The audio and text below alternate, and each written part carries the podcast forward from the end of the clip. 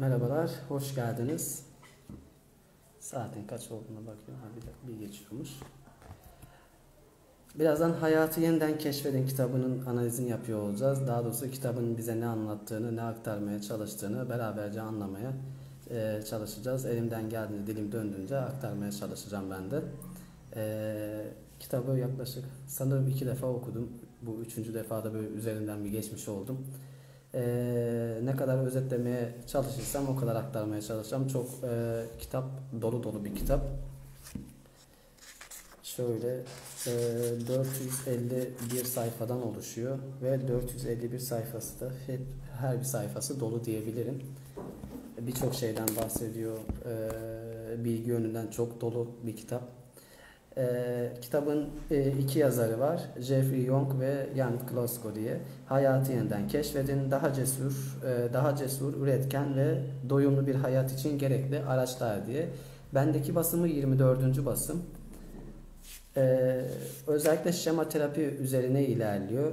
Şemalarımızı anlamak ve e, bu şemalarımızı nasıl değiştireceğimiz üzerine bize bilgiler aktaran bir kendine yardım kitabı aslında. Bu şekilde kısaca biz e, bir kitabı tanıtmış oldum. Hızlıca artık bir kitaba girmiş olalım. Başlayalım biz. E, ilk etapta bir içindekiler bölümüyle bizi karşılıyor. Buraları pek açıkçası üzerine durmak istemiyorum o kadar. Daha çok e, içeriğiyle ilgilenmek istiyorum. Teşekkür yazısı var. Yazarlar hakkında birer paragrafla bir bilgi var. Ön sözü e, ve giriş kısmıyla kitabımız başlıyor. E, ön sözünde beni etkileyen şey e, ön sözünü yazan kişi Aaron Beck. Yani bilişsel davranış terapinin babası diyebiliriz. Ee, ön sözünü yazan kişi o. Daha sonrasında artık giriş yaparak başlamış oluyor. Hayatı Yönden Keşfedin kitabının özel bir anlamı var yazarlar için. Ee, her iki yazar da yıllar içindeki kişisel ve profesyonel gelişiminin e, birer sonucunu e, yansıtıyorlar bu yazdıkları kitapta. Yazarlar hakkında birer paragraf bir bilgi var demiştim. Aaron Beck yazdı demiştim. Aaron Beck de bilişsel davranışçı terapinin babası diyorduk. Ee, bilişsel davranışçı terapinin de ne olduğunu ilerleyen dakikalarda çok kısa bir şekilde bahsediyor olacağım. Daha sonra şema terapiye gireceğiz. Sonrasında kendimizde var olan şemaları anlamak, anlamlandırmak ve bunları nasıl değiştirebiliriz? Bunu konuşuyor olacağız. Ee, kişilik sorunlarının tedavisinde e, Aaron Beck'in yazdığı ön sözü okuyorum. E, ön sözün tamamını değil sadece ilgimi çeken kısa bir e, kısım vardı. Oradan bahsetmek istiyorum.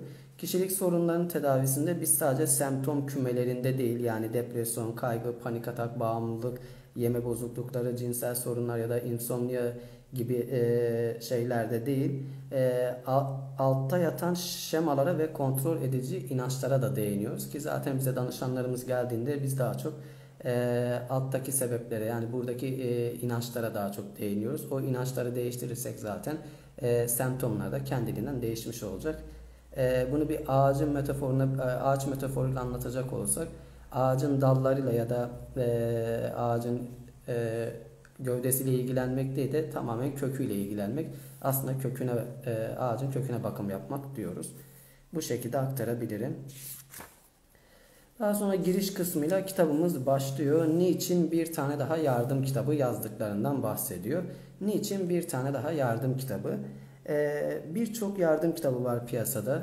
Ee, bu birçok e, yardım kitabı bazıları e, özellikle bazıları sadece e, belli başlı rahatsızlıklar üzerine, yani bağımlılık üzerine, depresyon üzerine ya da e, kaygı üzerine e, şeyle çalışmalar yapıyor. Belirli bir şeyle e, belirli bir tane sorunla uğraşıyor. Ama burada e, Hayatı Yeniden Keşfedin kitabında bu sorunların da temeliyle ilgileniyor aslında. Yani e, temel hayat örüntülerini değiştirmek için yeni bir kitabı, yeni bir terapiyi sizinle paylaşıyoruz diyor aslında. E, burada da 11 tane en yıkıcı 11 tane sorundan e, soruna yönelik e, bir kitap yazıyorlar. Bu 11 tane sorun ne, 11 tane şema ne bunları aktarıyor olacağım ilerleyen dakikalarda.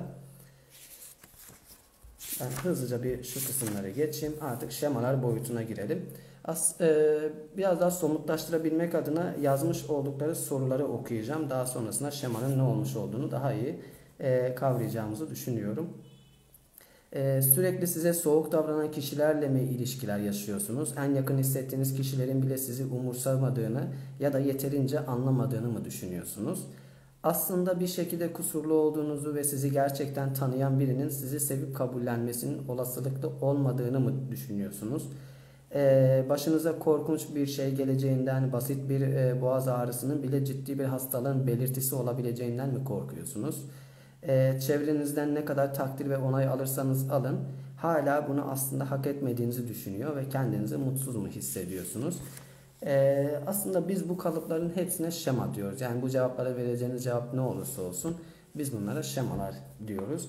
Ee, onları nasıl tanıyacağız, kökenlerini nasıl anlayacağız ve nasıl değiştireceğiz? Bunları konuşuyor olacağız bu yayınımızda. Kitabı, e, kitap zaten her birini detaylı bir şekilde aktarıyor bu 11 tane şemayı da. E, bu 11 tane şemanın ne olduğunu aktarıyor. E, daha sonra kökenlerine değiniyor ve nasıl değiştireceğimizi de bize anlatıyor. E, şema dediğimiz şey aslında çocukluktan başlayan ve yaşam boyunca sürekli tekrar eden bir kalıptır. Yani e, bize ailemiz ya da diğer çocuklar tarafından e, bir şekilde bir şeylerle başlamıştır. Biz çocukken e, terk edilmiş olabiliriz, eleştirilmiş, aşırı korunmuş, istismar edilmiş, yok sayılmış ya da yoksun bırakılmışızdır. Yani bir şekilde zarar görmüşüzdür. Sonunda da şema artık bizim hayatımızın bir parçası olmuştur. E, şemalar bizim du e, düşünce, duygu, davranış ve ilişki kurma biçimlerimizi etkilerler. E, özellikle öfke, üzüntü ve kaygı gibi bazı güçlü duyguları da tetiklerler. Bundan bahsediyor ve daha sonrasında kitabın en çok sevdiğim kısmı vakalardan e, söz ediyor olması. Birçok vaka anlatılıyor kitapta. Ben bu vakalara giriş yapmayacağım. Eğer giriyor olsak çok uzayacak. Ee, biraz da merak uyandırmak istediğim için eğer kitabı okumayanlar varsa e, okumalarını istediğim için açıkçası bu vakalara girmemiş olacağım. E, her bir bölümde de yine vakalar üzerine değiniyor. E, kitabımız e, 11 tane şemadan bahsetmiştim. Bu 11 tane şemayı anlatırken de tek tek vakaları e, aktarıyor kendi danışanlarını. Tabii ki e, gizlilik esastır danışanlara aktarırken isimlerini değiştiriyor, yaptıkları mesleği değiştiriyor vesaire bu şekilde aktarıyor. Yani kim olduğunu anlamayacağımız biçimde değiştiriyor. E, kitabın e, bir sonraki başlığında tekrarın ironisi dediğimiz bir başlık da bizi karşılıyor. Tekrarın ironisi nedir? E, bundan kısaca bir bahsedeyim. E, hatta hani şunu derler ya çocukluğumuza mı ineceksiniz hocam diye. Evet çocukluğumuza iniyoruz ama niçin iniyoruz bir e, ona bakmış olalım. Ha bu arada her problemde de çocuktan inmiyoruz tabii ki. O işin e, latifesiydi diyelim. Tekrarın ironisi e, psikanalitik psikoterapinin varsayımlarından bir tanesidir. Yani çocukluk acılarımızı tekrarlayıp durduğumuzu aktarıyor aslında. E, Freud amcamız buna tekrarlama zorlantısı adını vermiştir. E, bir tane örnek verecek olursak alkolik bir kişinin çocuğu bir alkolikle evlenebilir. Bunu diyor aslında. E, tekrardan e, çocukluktaki şemalarımızı tekrardan yaşamaya tekrarın ironisi diyoruz. Bütün bu kalıpları yeniden yaratma yöntemlerimizin tümüdür. Ee, aslında şemalar bizim yaşamın erken yıllarında öğrendiğimiz kendimiz ve dünya hakkındaki katı inançlarımızdır. Biz çocukken kendimize dair ve dünyaya dair bir takım inançlara sahip oluruz. Ee, bunu da zaman içerisinde tekrar tekrar tekrar tekrar yaşaya yaşaya pekiştiririz. Bundan bahsediyor. E, giriş kısmını e, giriş kısmında bahsetmiştim. E, ön sözünü e, Aaron Beck yazdı demiştim. Aaron Beck bilişsel davranış terapinin babasıdır diye. E, yine kitapta da bilişsel terapiden de şey e, kısaca bir bahsediyor. E, Aaron Beck tarafından geliştirilmiştir. E, bilişsel terapi, şema terapi de bilişsel terapinin bir uzantısıdır. E, Aaron Beck e, direkt kitaptaki ifadeyi ben okuyayım. Daha sonrasında bilişsel terapiyi kendim e, biraz bir açıklamaya çalışayım. Aaron Beck düşüncelerimizi mantıksal bir şekilde incelememizi önerir. Yani sinirlendiğimiz zaman abartıyor muyuz? Yoksa kişiselleştiriyor muyuz? Yoksa felaketleştiriyor muyuz? Bunu anlamamızı, e, incelememizi öneriyor. E, düşüncelerimizin gerçekten bir anlamı var mıdır? İçinde bulunduğumuz duruma başka açılardan da bakabilir miyiz? gibi gibi şeylerle aslında düşüncemizi sorgulatıyor bize. Sonrasında Beck e, bu olumsuz düşüncelerimizi küçük deneylerle test etmemiz gerektiğini belirtiyor bize. Ee, ben e, öğrencilerime daha çok hatta e, öğrencilerimin birçoğu bilirler 3D üçgeni diye düşünce, duygu, davranış. Ee, direkt olarak düşünce boyutuyla biz başlarız. O aslında düşünceyi değiştirirsen duygun da değişir. Daha sonrasında davranışın da değişir. Bunu aktarmaya çalışıyorum. Ee, yine burada da aslında e, Aaron Beck'in aktarmaya çalıştığı yani bilişsel terapide üzerinde durmaya çalıştığımız şey tamamen düşünceler. Yanlış ve hatalı olan, e, irrasyonel olan düşünceleri bulup daha sonrasında bu düşünceleri e, çürüterekten e, gerçekçi olan düşünceleri hayatımıza adapte etmek diyebiliriz. Birinci bölüm bu kadardı. İkinci bölüme geçtim. İkinci bölümde de sizde hangi şemalar var başlığı. E, bu bölümde e, bize bir ölçek karşılıyor. 22 maddeden oluşan. Bu 22 maddeli ölçeği de puanlamamızı istiyor. E, birden 6'ya kadar. Yani 1 hiç doğru değil, 2 genellikle doğru değil, 3 kısmen doğru, 4 biraz doğru, 5 genellikle doğru, 6 e, kesinlikle doğru şeklinde. E, ölçeği doldururken iki tane boş sütun var. Bu iki sütundan birincisi çocukluk çağımızdaki düşüncelerimize göre, ikincisi de şimdiki e, düşüncelerimize göre. Hatta bunu daha iyi kavrayabilmemiz adına da son 6 ayı e, içe, e, son 6 ayı bakaraktan uygun plan e, uygun puanı vermemizi istiyor. E, bu ölçekten bir iki tane maddeyi okuyayım. E, kalan maddeleri eğer ilginizi uyandırırsa kitabı alıp okumanızı rica edeceğim. E, mesela bir tanesi ebeveynim ve ben birbirimizin hayatlarına ve sorunlarına çok karışırız. E, artık size uygun olan puanlama hangisi ise birden 6'ya kadar onu e, onu vermenizi istiyor çocuklukta ve şimdi de.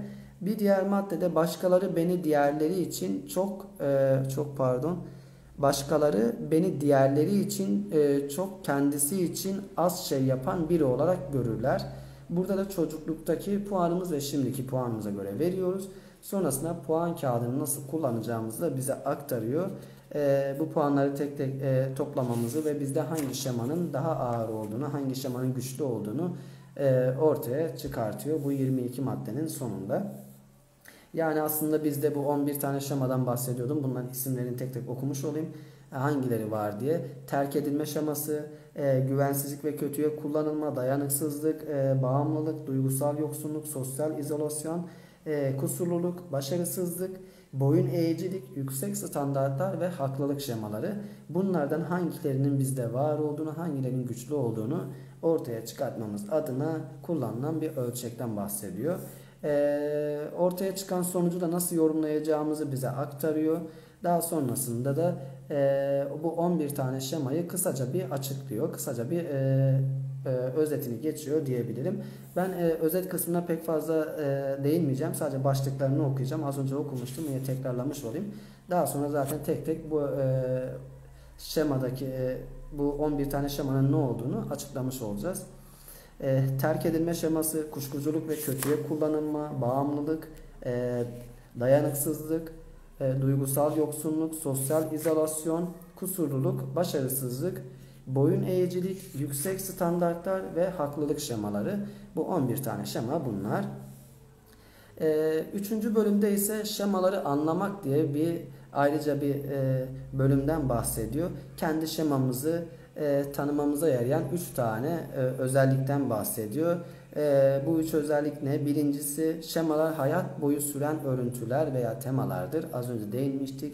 Şemalar e, öz yıkıcıdır. Üçüncüsü ise şemalar hayatta kalmak için savaş verirler. Yani bizimle e, biz aslında şemalarımızda bir e, savaş içerisinde olduğumuzdan bahsediyor kitabımızda. E, bunlardan ilki e, hayat boyu süren örüntüler demiştik. Yani çocuklukta başlar ve yaşam boyu tekrar eder şemalar. Ee, yani yetişkin olarak aslında çocukluğumuzda bize en çok zarar veren durumları tekrardan yaratmayı başardığımızı aktarıyor.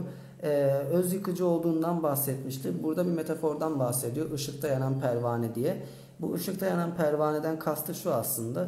Ee, bir lambayı ya da bir e, alevi gördüğünde sinekler etrafına üşüşür Aynen o şekilde aslında şemalar bir lambayı temsil ediyor, bir ışığı temsil ediyor.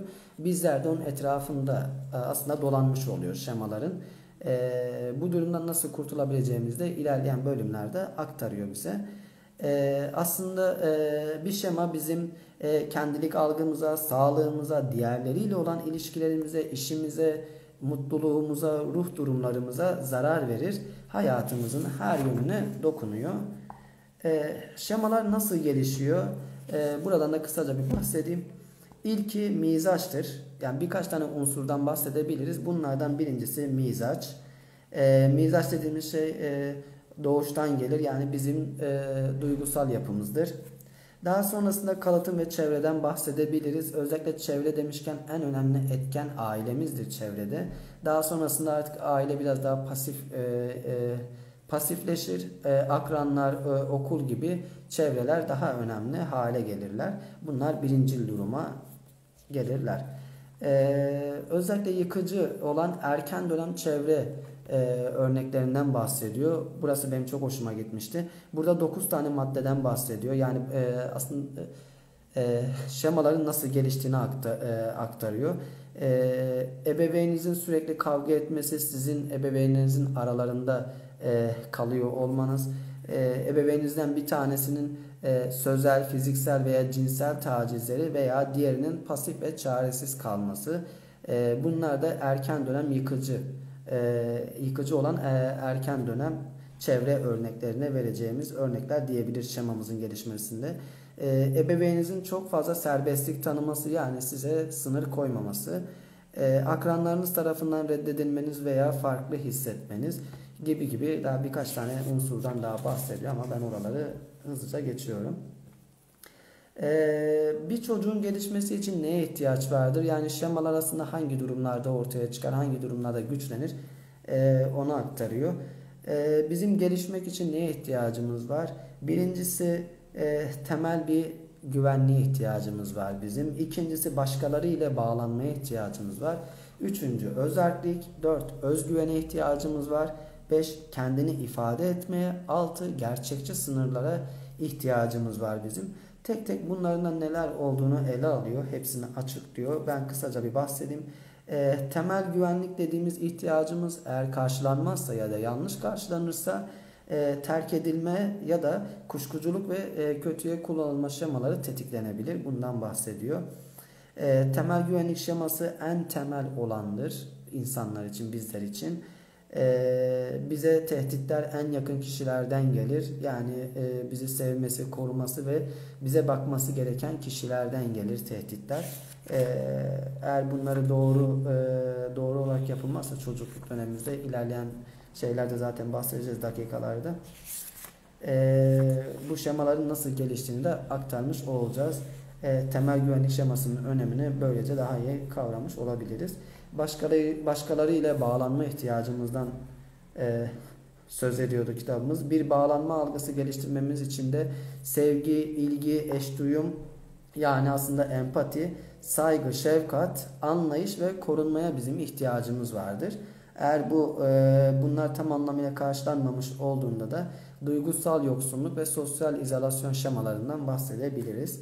Bunlar güçlenebilir. Özellik ihtiyacından bahsetmiştik özgüven ihtiyacı, kendini ifade etme, gerçekçi limitler koymadan bahsetmiştik.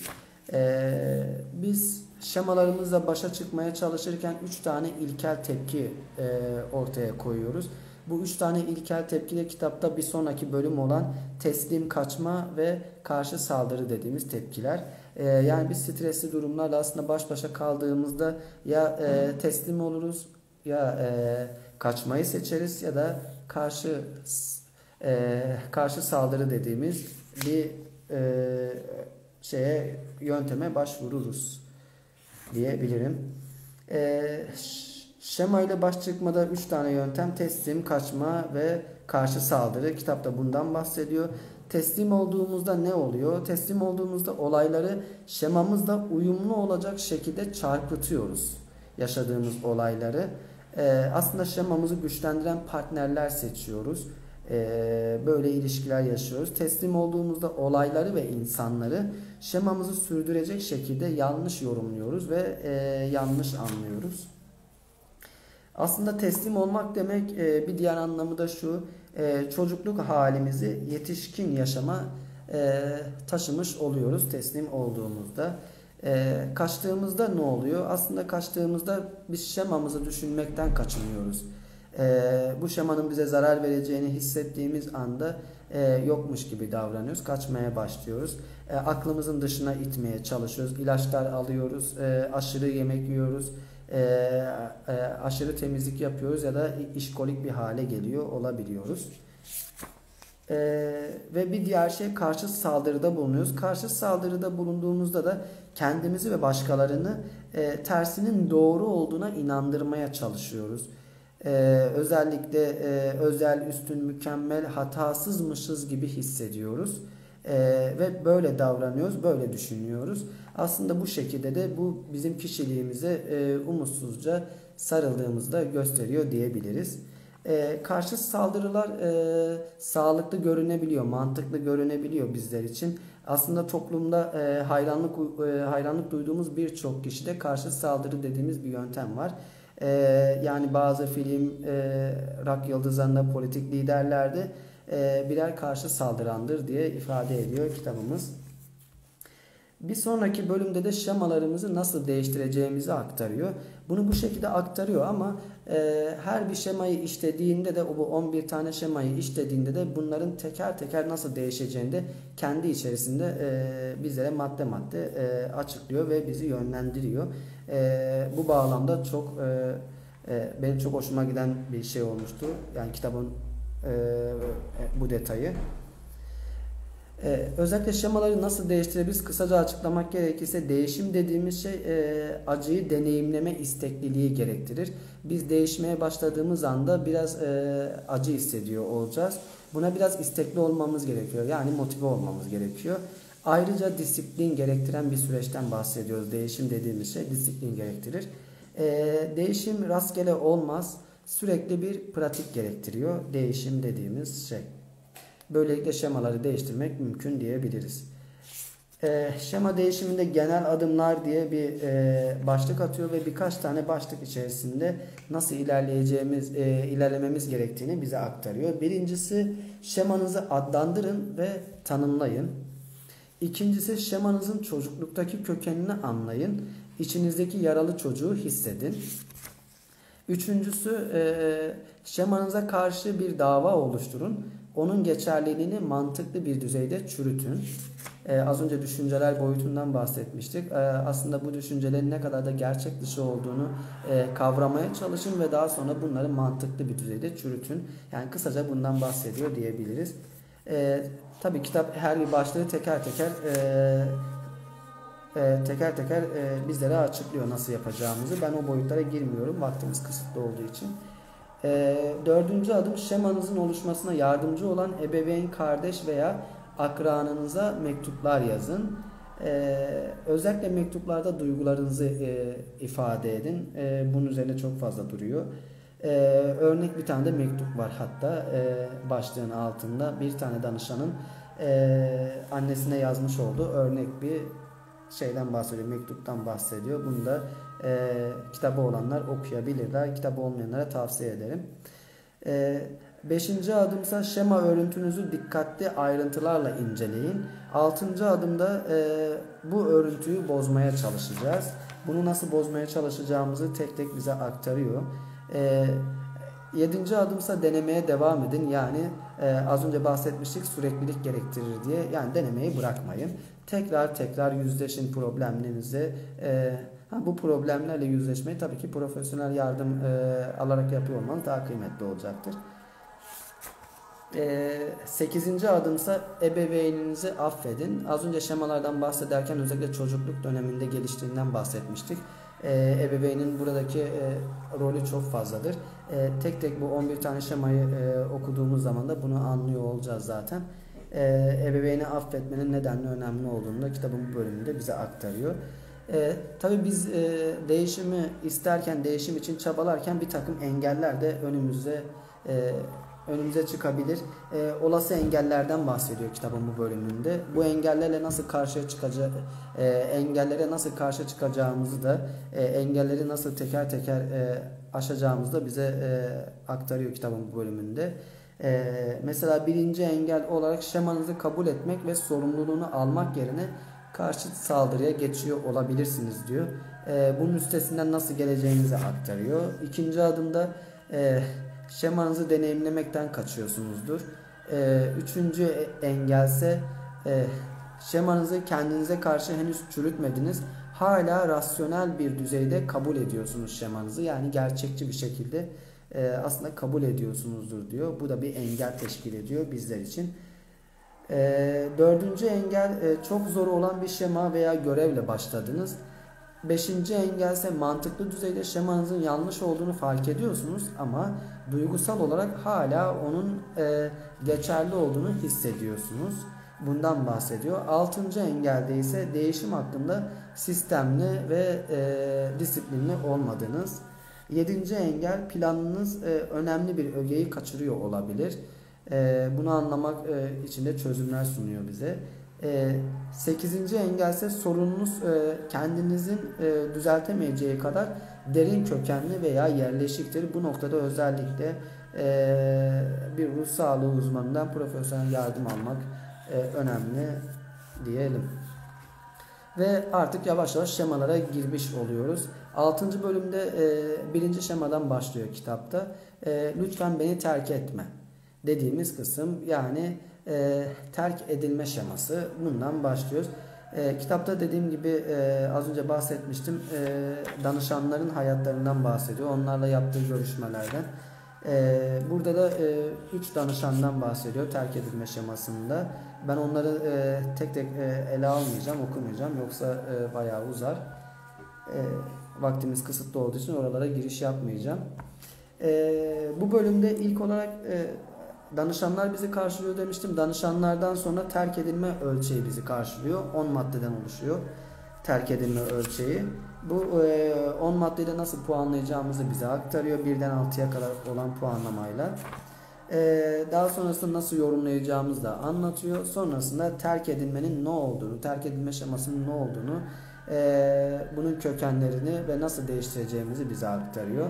E, aslında terk, edil, e, terk edilme dediğimiz şey e, sevdiğiniz insanların sizi terk edeceğini ve sonsuza kadar duygusal olarak e, yalnız kalacağınıza dair çok temel bir inancınız var vardır diyor. İnsanlar ölecek, sizi e, uzaklaştıracak veya terk edecekler. E, yalnız kalacaksınız. Yalnızlık sizin kaderinizdir şeklinde e, düşünüyor olabilirsiniz. E, aşk hakkında bir umutsuzluk hissi verir. E, terk edilme şeması. iyi gidiyor gibi gözükse de e, bazı şeyler en sonunda ilişkinizin biteceğine e, kesin e, bir gözle inanırsınız. Bundan bahsediyor. E, terk edilme e, ne zaman başlıyor? Özellikle hayatın ilk yıllarında yani sözel dönemin daha başlamadığı dönemde e, ilk yıllarında başlıyor. Çocuk e, çocuklar e, e, çocukken konuşmayı öğrenmeden hemen önce başlıyor diyebiliriz terk edilme şemasına. E, burada birinci e, olarak yakın ilişkiler e, bu şemayı tetikliyor. En güçlü tetikleyici de e, sevdiği birinden ayrılmak. Yani bakım verenden, anneden ayrılıyor olmak. E, terk edilme şemasına sahip olan e, bireyler aşırı derecede hassas olurlar. Masum ifadelerden bile terk edileceği anlamını çıkarabilirler. E, terk edilme döngüsüne baktığımız zaman da bir örnek üzerinden ilerleyecek olursak süpermarkette tek başına kalmış annesini bul, e, annesini bulamayan bir çocuk gibi e, bu benzetmeyi yapıyor kitabımızda. E, böyle bir e, paniğe benzetiyor. E, kaygımız bizi e, panik seviyesine doğru ilerletiyor. E, bu panikte e, saatlerce hatta günlerce sürebiliyor bu kaygı. E, daha sonrasında yalnızlıkla ilgili bir e, üzüntü yaşıyoruz. E, e, bu üzüntü bizi e, depresyona ilerletiyor ve en sonunda da kendimize kızabiliyoruz. Bir öfke yaşayabiliyoruz. Bundan bahsedebiliriz. Terk edilmenin e, terk edilme şemasının kökenlerine baktığımızda ise ayrılık anksiyetesine karşı biyolojik bir yatkınlığımız olabilir bizim.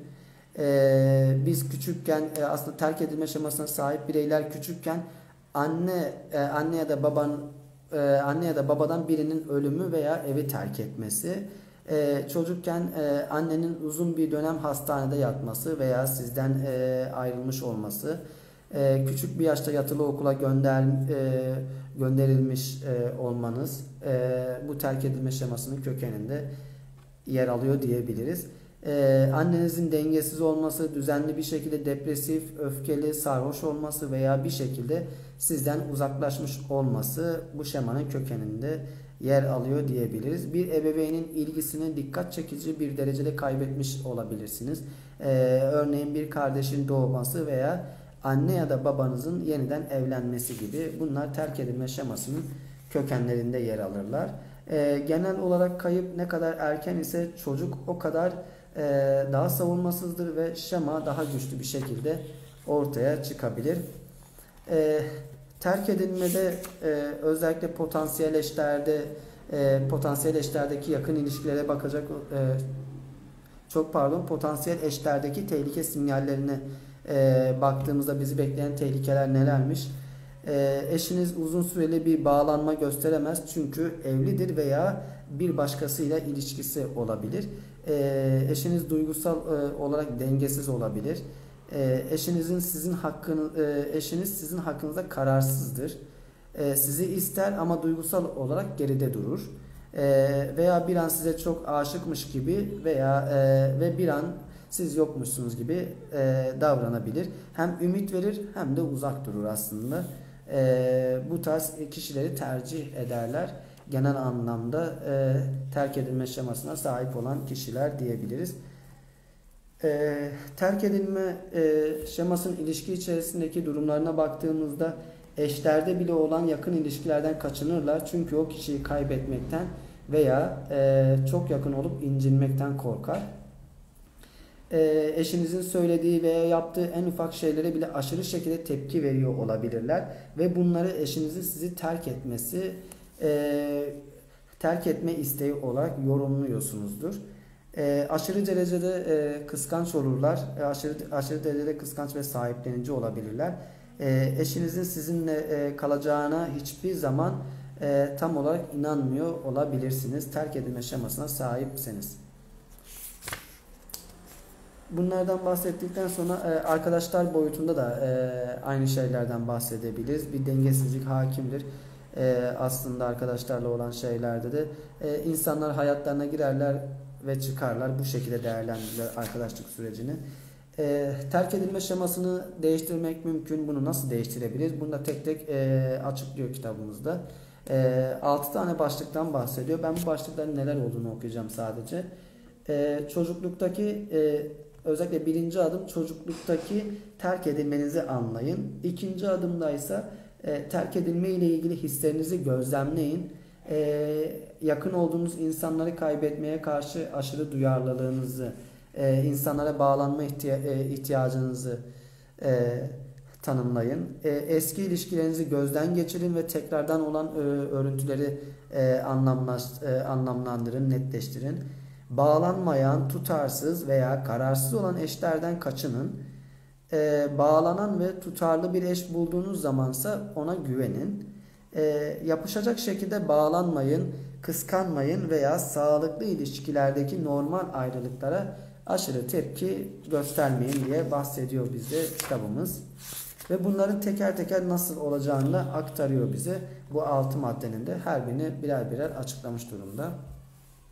E, ikinci şemamız kuşkuculuk ve e, kötüye kullanılma şeması yani sana güvenemem. E, bu başlıkta da e, ilk olarak bizi danışanlar karşılıyor. E, iki tane danışandan bahsediyor. Daha sonrasında bir tane e, e, e ölçekten bahsediyor. Kuşkuculuk ve kötüye kullanma ölçeği. Burada da 10 e, tane maddesi var ölçeğin. E, bu 10 maddeyi nasıl e, dolduracağımızı, nasıl puanlayacağımızı ve daha sonra nasıl yorumlayacağımızı aktarıyor bize. Daha sonrasında e, kuşkuculuk ve kötüye kullanılma şemasının ne olduğunu bize aktarıyor. Kuşkuculuk ve kötüye kullanılma e, aslında aşırı tetikte olma halidir. E, kendilerini e, savunmasız hissederler. Her an savunmasız hissederler. E, bir tehlike ortaya çıkabilir gibi düşünürler. E, bir kişiyle e, iletişime geçtikleri andan itibaren dikkatli olmalısınızdır diye düşünür, e, izler ve beklerler. Aslında bir e, anksiyeteden bahsedebiliriz burada. Özellikle bu şemaya sahip olan bireylerde e, kaygı ve çökkünlük sıktır. Yaşam konusunda ümitsizlik hisleri vardır. Düşük bir özgüvenden bahsedebiliriz. Kendilerini kusurlu hissederler diyelim. E, kuşkuculuk ve kötüye kullan, e, kullanılma şemasının kökenlerine baktığımızda e, özellikle neler yatıyor? Kuşkuculuk ve kötüye kullanılma şemasına sahip bireylerde. Ailenizden birisi sizi e, çocukken fiziksel olarak taciz etmiş olabilir. Cinsel olarak taciz etmiş olabilir. E, aşağılamış olabilir, alay etmiş olabilir, eleştirmiş olabilir. E, aslında bunların hepsi sözel tacize girer. E, ailenizdeki insanlar güvenilmez kişiler e, olabilirler. E, siz çocukken sizi kandırmış olabilirler. E, acı çekmenizden zevk e, alıyormuşçasına davranmış e, olabilirler. E, çocukken istenileni yapmazsanız cezalandırılmışsınızdır ya da misilleme ile e, karşılık bulmuşsunuzdur. Ee, anne veya babanız aile dışındaki insanlara güvenmemeniz konusunda sizi sık sık e, uyarıyordu e, uyarıyor olabilir. E, ailenizdeki insanlar size e, karşıydılar. Ve bir diğer şey de insanlar size sizi kıran kelimelerle hitap ediyorlardı. Yani aslında zorbalık yapıyorlardı diyebiliriz. E, ilişkilerdeki tehlikelere bakacak olursak e, kuşkuculuk ve kötüye kullanılma şemasında e, eşinizde sizi korkutan öfke patlamaları olabilir e, eşiniz eşinizin içtiği zaman e, kontrolü kaybetmesi, ailenizin önünde sizi küçümsemesi, e, sizi küçük görmesi, e, değersiz hissetmenize neden olması, sizin ihtiyaçlarınıza karşı saygısının olmaması, size vurması veya sizi tehdit etmesi, sizin zayıflığınızı kendi çıkarlarına göre kullanması, eğer partnerinizde bu tarz e, sinyaller varsa kuşkuculuk veya kötüye kullanılma şeması e, olabilir diye aslında söz ödebiliriz. E, ilişkilerdeki şemalara baktığımızda da e, somut bir kanıtınız e, olmadığı zaman bile çoğunlukla insanların sizden yararlandığını düşünürsünüz.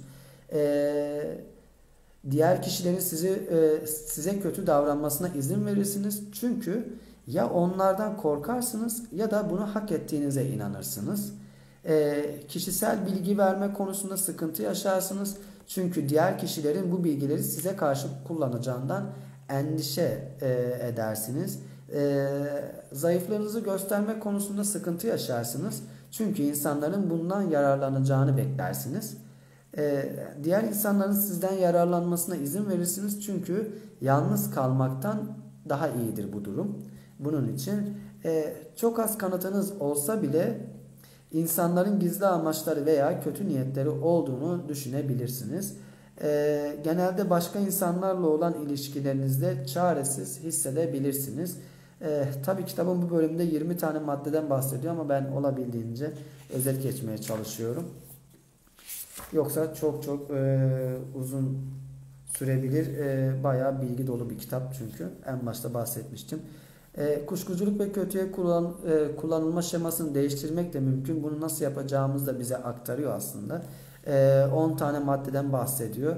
E, hızlıca bunların neler olduğunu e, neler olduğundan bahsedeyim. Hızlıca bir okuyayım. Eğer mümkünse ve özellikle cinsel veya fiziksel tacize uğradıysanız bu şemanız konusunda yardım almak için bir terapiste gidin.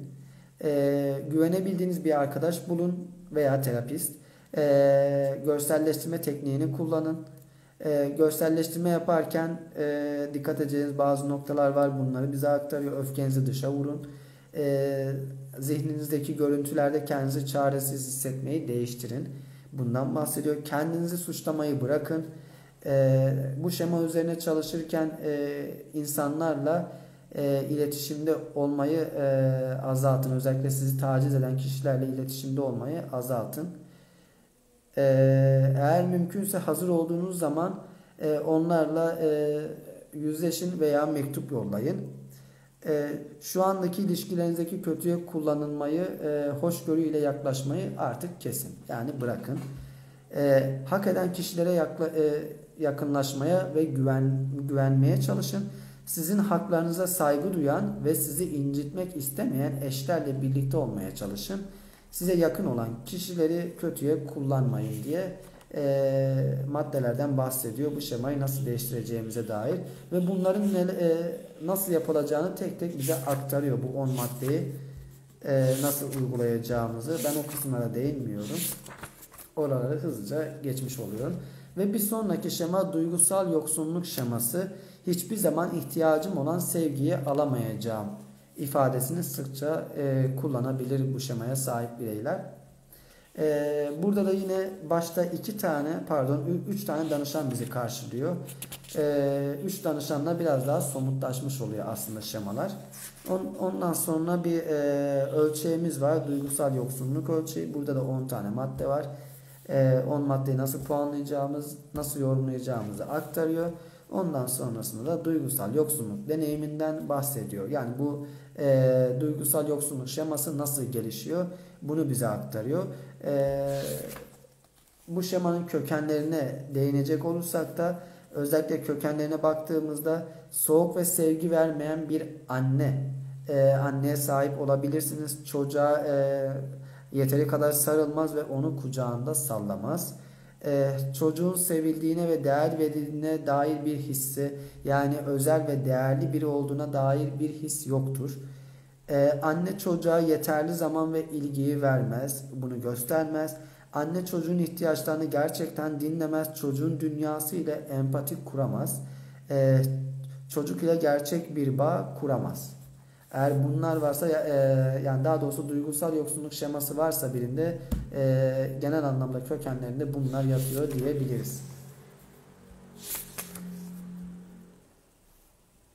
E, duygusal yoksunluğa baktığımızda duygusal yoksunluk belli annelik davranışların yoksunluğu sonucunda ortaya çıkar. Az önce kökenlerine baktığımızda özellikle e, anne üzerine zaten çok fazla durmuştuk e, ilişkinin erken e, erken aşamalarındaki tehlikelere baktığımızda özellikle partner e, beni dinlemiyor yani bu tarz ifadeleri e, sıkça duyabiliriz. E, beni dinlemiyor sadece e, o konuşuyor e, bana dokunma ve öpme konusunda rahat değil. E, sadece arada sırada müsait oluyor soğuk ve uzak biri. E, sizin duygularınızı anlamıyor olabilir e, aldığınızdan çok daha fazlasını veriyorsunuzdur. Eğer bu şemaya sahipseniz. E, bir ilişkideki duygusal yoksunluk şemasına bakarsak da ihtiyacınız olanı eşinize söyleyemezsiniz. E, çok pardon söylemezsiniz ve sonra ihtiyacınız karşılanmadığında kendinizi hayal kırıklığına e, uğramış hissedersiniz. Ne hissettiğinizi eşinize söylemezsiniz ve sonra anlaşılmadığınız için hayal kırıklığına uğrarsınız. Öfkelenirsiniz ve çok e, ilgi istemeye başlarsınız.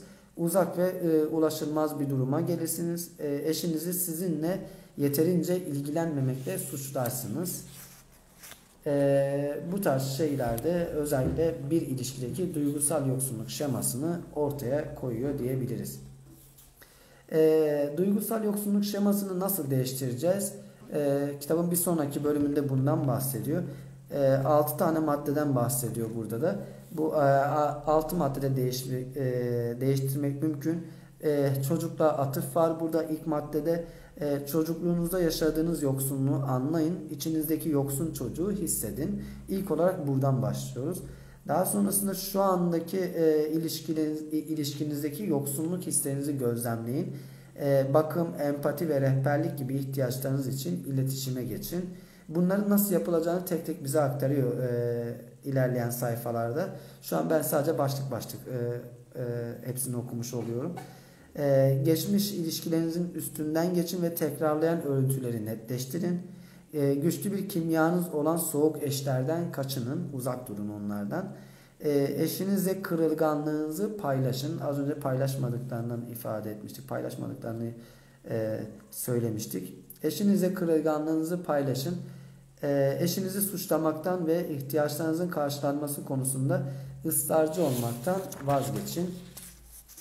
Bunların da nasıl yapılacağını bize tek tek aktarıyor ilerleyen sayfalarda. Daha sonrasında ise bir sonraki şemaya geçmiş oluyoruz. Duygusal yoksunluk şeması. E, duygusal yoksunluk şeması aslında uyumsuz olmayla ilintili olan bir şema. E, burada da yine bizi danışanlar karşılıyor. E, bir ölçeğimiz var. Ölçeği nasıl yorumlayacağımızı anlatıyor. Sonrasında sosyal e, izolasyonu bize aktarıyor. E, sosyal e, izolasyona baktığımızda birincil duygu yalnızlıktır. Kendinizi dünyanın geri kalanının dışında hissedersiniz. Çünkü siz farklısınız e, ya da istenen biri değilsinizdir.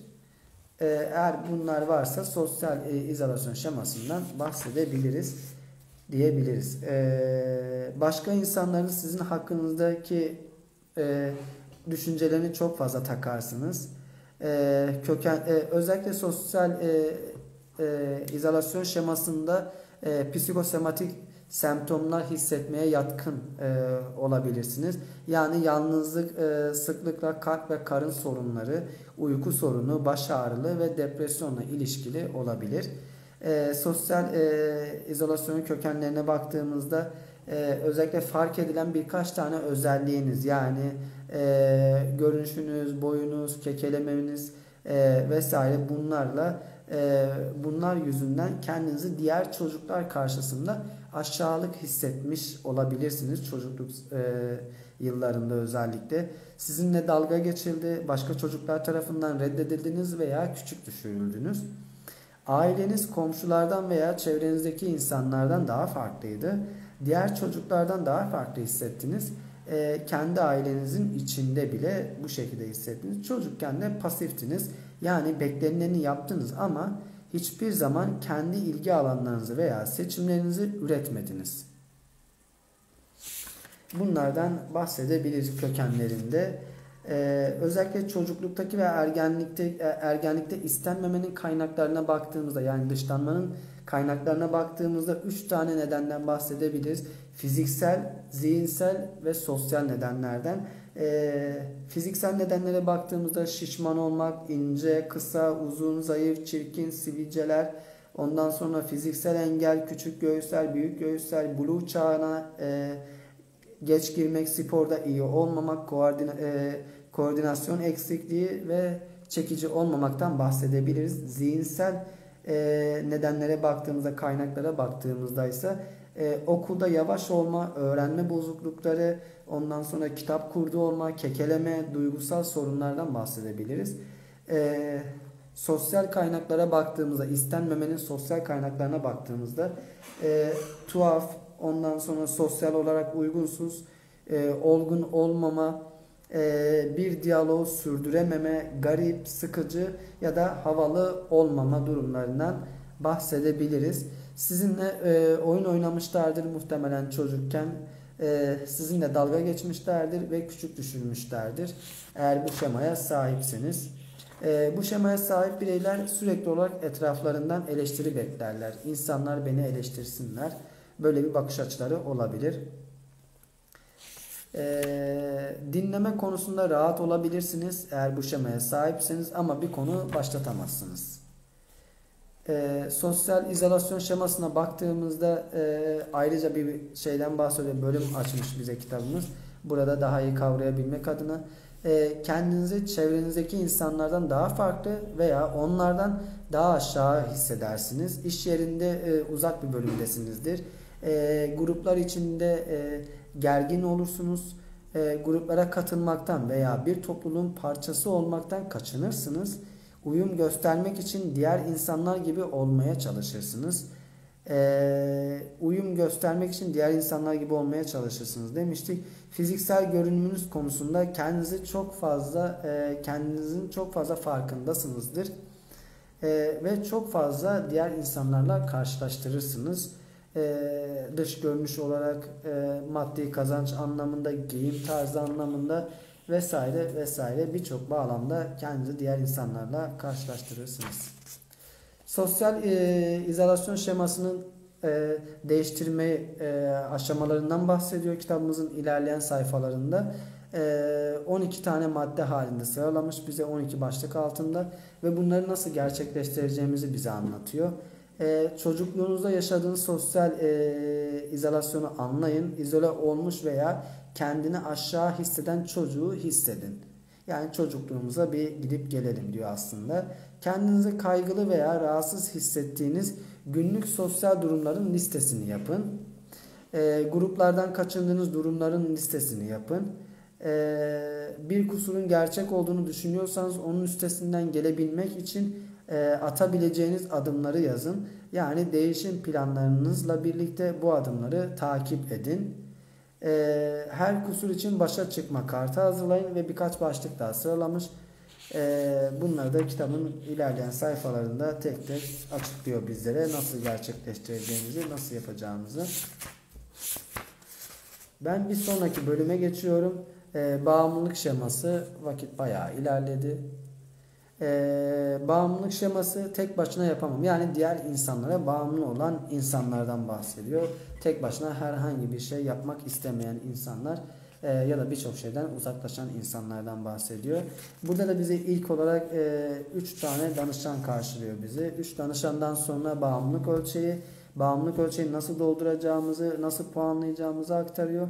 Daha sonrasında bağımlılığın ne olduğunu aktarıyor bize. Bağımlılık dediğimiz şey e, aslında temelinde e, yetişkin yaşamanın e, e, yetişkin yaşamının normal sorumluluklarını yoğun ve yorucu bir çaba olarak algılamak vardır temelinde. Bir şeyler eksiktir ve yetersiz hissedersiniz. Küçük bir çocuğun bir anda dünyanın çok başa çıkılmaz olduğunu düşünüp annesini bulmak için ağlaması bağımlılık şemasının özünü anlatan bir resimdir diye ifade ediyor. E, yetişkin dünyasında küçük bir çocuk olma hissidir. E, genel olarak hangi cümleleri e, kullanırlar bağımlılık şemasına sahip olan insanlar? E, yetersiz olduğunu düşünmek e, tipiktir demiştik. E, bu benim için çok fazla. Ben bununla başa çıkamam. E, dağılacağım. E, ondan sonra sorumluluklarımı e, yerine getiremeyeceğim, o olmazsa ben ne yaparım gibi gibi cümleleri çok fazla duyabiliriz. Kararsız olurlar genel anlamda bağımlılık şemasına sahip kişiler. E, değişimden hoşlanmazlar. Her şeyin aynı kalmasını isterler. E, genellikle bağımlı kişiler yetersizdir çünkü yetişkinliğin getirdiği sorumluluklardan kaçınmakta çok başarılıdırlar. Ee, daha sonrasında da bağımlılığın e, kökenlerinden bahsediyor. E, bunu daha iyi anlamlandırabilmek adına. Bağımlılık şemasının kökeni ya aşırı korumacı ya da yeterince e, korumayan ebeveynlere dayanır. E, ebeveyniniz özellikle e, aşırı korumacı ya da size olduğundan olduğunuzdan daha küçükmüş gibi davranmıştır. Ebeveyniniz sizin yerinize karar verir Ebeveyniniz sizin hayatınızın bütün ayrıntıları ile ilgilenir. Okul işlerinizi ebeveyniniz yapar. Ee, size hiç sorumluluk verilmemiştir bu bağlamda. Ee, günlük işlerde ebeveyniniz sizin fikirlerinizi ve yetkinliğinizi eleştirir. Ee, yeni görevler aldığınız zaman e, ebeveyniniz aşırı fazla öğüt vererek yönlendirme yaparak müdahalelerde bulunur genel anlamda bağımlılık e, şemasının kökenlerinde bunlar yatıyor diyebiliriz. Yetersiz korunmadaki kökenlere baktığımızda e, ebeveyniniz yeteri kadar rehberlik ve yönlendirme almamışsınızdır ebeveyninizden. E, yaşınız çok küçük olmasına rağmen kendi başınıza karar almak zorunda kalmışsınızdır. Sizden size aşan şeyler yapmanız ve bilmeniz beklenmiştir. Bağımlılık şemasında özellikle e, başarılarınız küçümsenmiştir. E, eksikliklerinizi çok fazla e, büyütüyorsunuzdur. Kendi başınıza kalacağınız zorluklardan kaçarsınız. Kendi kararlarınızı veremezsiniz. E, yüzleşmediğiniz korkularınız ve fobileriniz vardır. Hiçbir zaman tek başınıza yaşamamışsınızdır diyebiliriz. Ve bağımlılık şemasını değiştirmek dediğimiz bir başlık var. Ee, burada da 11 tane madde halinde, 11 madde halinde bunu nasıl gerçekleştireceğimizi bize aktarıyor. Ee, yine çocukluğa atıf var. Ee, çocukluktaki bağımlılığınızı anlayın. İçinizdeki yetersiz bağımlı çocuğu hissedin. Diğer insanlara bağımlı olduğunuz günlük durumları, görevleri, sorumlulukları ve kararları listeleyin. Korktu, e, korktuğunuz için kaçtığınız zorlukların, değişimlerin veya fobilerin e, listesini yapın. E, yardım istemeden günlük işler ve kararlar ile uğraşmak için kendinizi sistematik olarak zorlayın. E, eski ilişkilerinizi gözden geçirin ve tekrarlayan bağımlılık örüntülerini netleştirin. Yüksek kimya üreten güçlü, aşırı korumacı eşlerden de uzak durun diye bize ifade ediyor. Bunu nasıl yap bunları nasıl yapacağımızı bize tek tek anlatıyor kitabın ilerleyen sayfalarında. Bir sonraki şema dayanıksızlık şeması.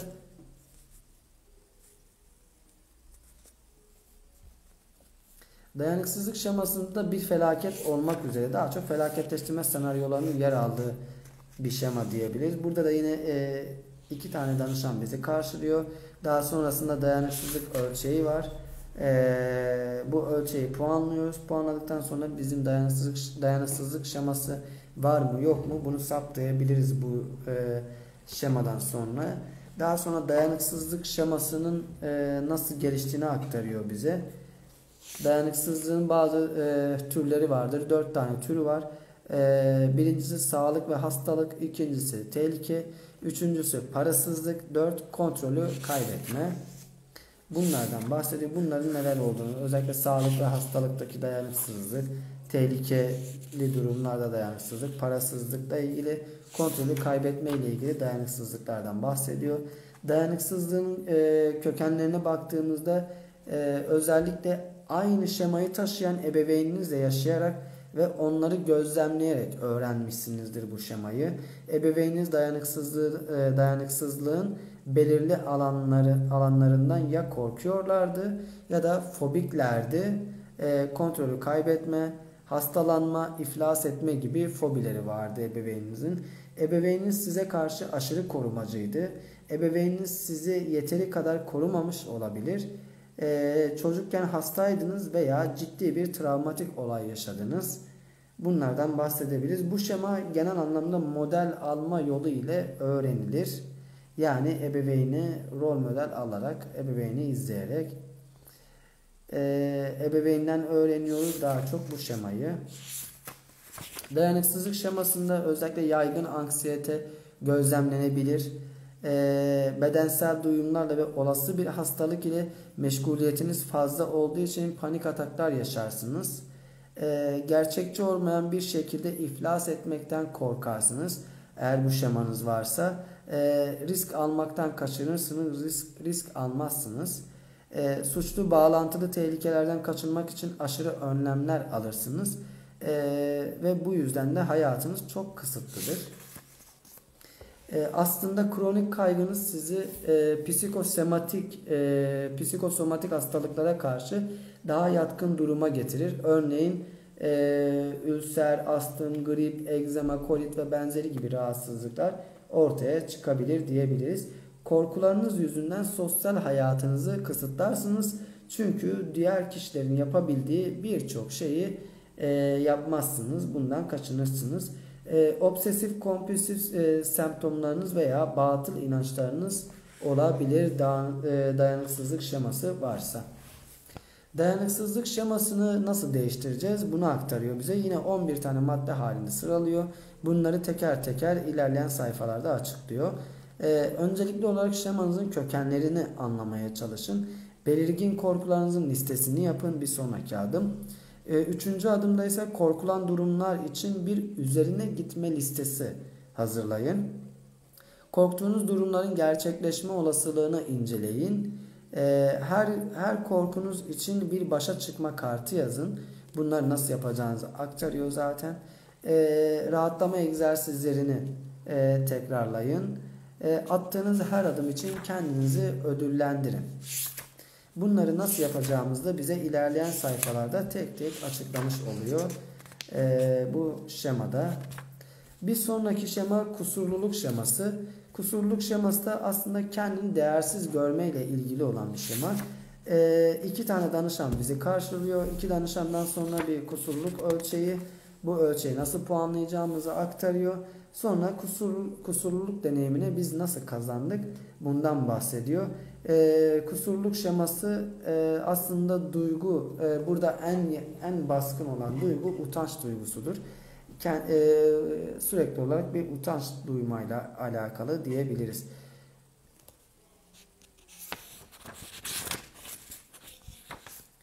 Kusurluk şemasının e, kökenlerine baktığımızda ailenizden biri size e, size karşı aşırı eleştireldi, sizi küçümsüyordu veya size karşı cezalandırıcıydı. Durmadan nasıl göründüğünüz, nasıl davrandığınız veya ne söylediğiniz e, yüz, e, veya ne söylediğiniz yüzünden eleştirildiniz veya cezalandırıldınız. Bir ebeveyniniz yüzünden bir hayal kırıklığı olduğunuzu hissettiniz. Ebeveyniniz, e, ebeveyninizden biri veya ikisi tarafından reddedildiniz veya sevilmediniz. Bir aile üyesi tarafından cinsel, fiziksel veya duygusal olarak tacize uğradınız. Her zaman siz suçlandınız. Ee, sürekli olarak karşılaştırıldınız kardeşlerinizle veya etrafınızdaki diğer insanlarla. Ebeveynlerinizden biri evi terk etti ve siz kendinizi suçladınız bu durumla ilgili. Kökenlerinde daha çok bunlar yatıyor, bu maddeler yatıyor. Eğer bunlar varsa, e, daha doğrusu kusurluk şeması varsa bunlar da çocukluğunuzda muhtemelen vardır. E, kusurluk şeması e, genellikle gerçek bir kusur üzerine kurulmadığını fark etmek çok önemlidir. Genel anlamda yapay bir kusur üzerine daha çok kurulur kusurluk şeması. Kusurluk şemasına bak daha net anlayabilmek adına e, eleştirel ve küçümseyen bir tavır içerisine giriştiniz romantik ilişkilerinizde. Eşinizi kıskandınız ve kısıtladınız. E, eşinizin e, hala size değer verdiğine dair sürekli bir onay alma ihtiyacı hissettiniz. Eşinizin etrafındayken kendinizi küçümsediniz. E, çocuklarınızı aşırı derecede e, eleştirirsiniz. Eğer bu şemaya sahipsiniz. Kariyerinizdeki engeller veya ilişkilerinizdeki reddedilmeler yüzünden çok depresif ve umutsuz olursunuz. Kusurluk şemasını nasıl değiştireceğiz? Kusurluk şemasını değiştirmek de 14 madde halinde mümkün. Çocukluğunuzdaki kusurluk ve utanç duygunuzu anlayın. Yine bir çocukluğa atıf var. Kusurluk şemasıyla başa çıkmak için yaptıklarınızı listeleyin. Yani ne tarz tepkiler veriyorduk biz öncesinde bunu bir anlamlandıralım. Ondan sonra kaçmak, karşı saldırıya geçmek için yaptığınız bu davranışları durdurmaya çalışın. Kusurluk ve utanç duygularınızı listeleyin. Ben e, hepsini okumayacağım. Atlaya atlaya okuyorum. Değişmesi mümkün olan kusurlarınızı değiştirmek için bir e, program yapın. Size eleştiren yakınlarınıza mektup yazın. Başa çıkma e, kartı hazırlayın ve size yakın olan kişilerin sevgisini kabul edin. Bunları nasıl yapacağımızı tek tek yine açıklıyor kitabın ilerleyen sayfalarında. Ben o kısımlara değinmeyeceğim yine.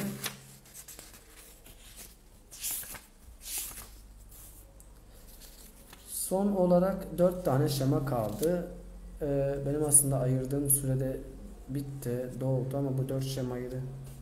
Ben bu 4 şema için ayrı bir video çekip e, Instagram ve YouTube e, hesaplarımda paylaşmış olacağım. Şu an için e, başka programlarım olduğu için yayını burada kapatıyor olacağım. E, hesapladığım süre maalesef yetişmedi. Yani süreye sıkışmadı. E, hatta kitapta altını çizdiğim yer daha fazlaydı. Ben bir saate sığırırım diye düşündüm. Atlaya atlaya okumama rağmen, atlaya atlaya anlatmama rağmen e, bir saati aştı. Hem de bayağı bir şey oldu. E, ben geriye kalan kısımlar için de ayrı bir e, müsait bir zamanda video çekip onu da Instagram ve YouTube sayfa e, YouTube hesabıma e, ikinci bölüm, ikinci part şeklinde atıyor olacağım. Katılan herkese teşekkür ederim. Dinleyen herkese teşekkür ederim. İyi akşamlar diliyorum.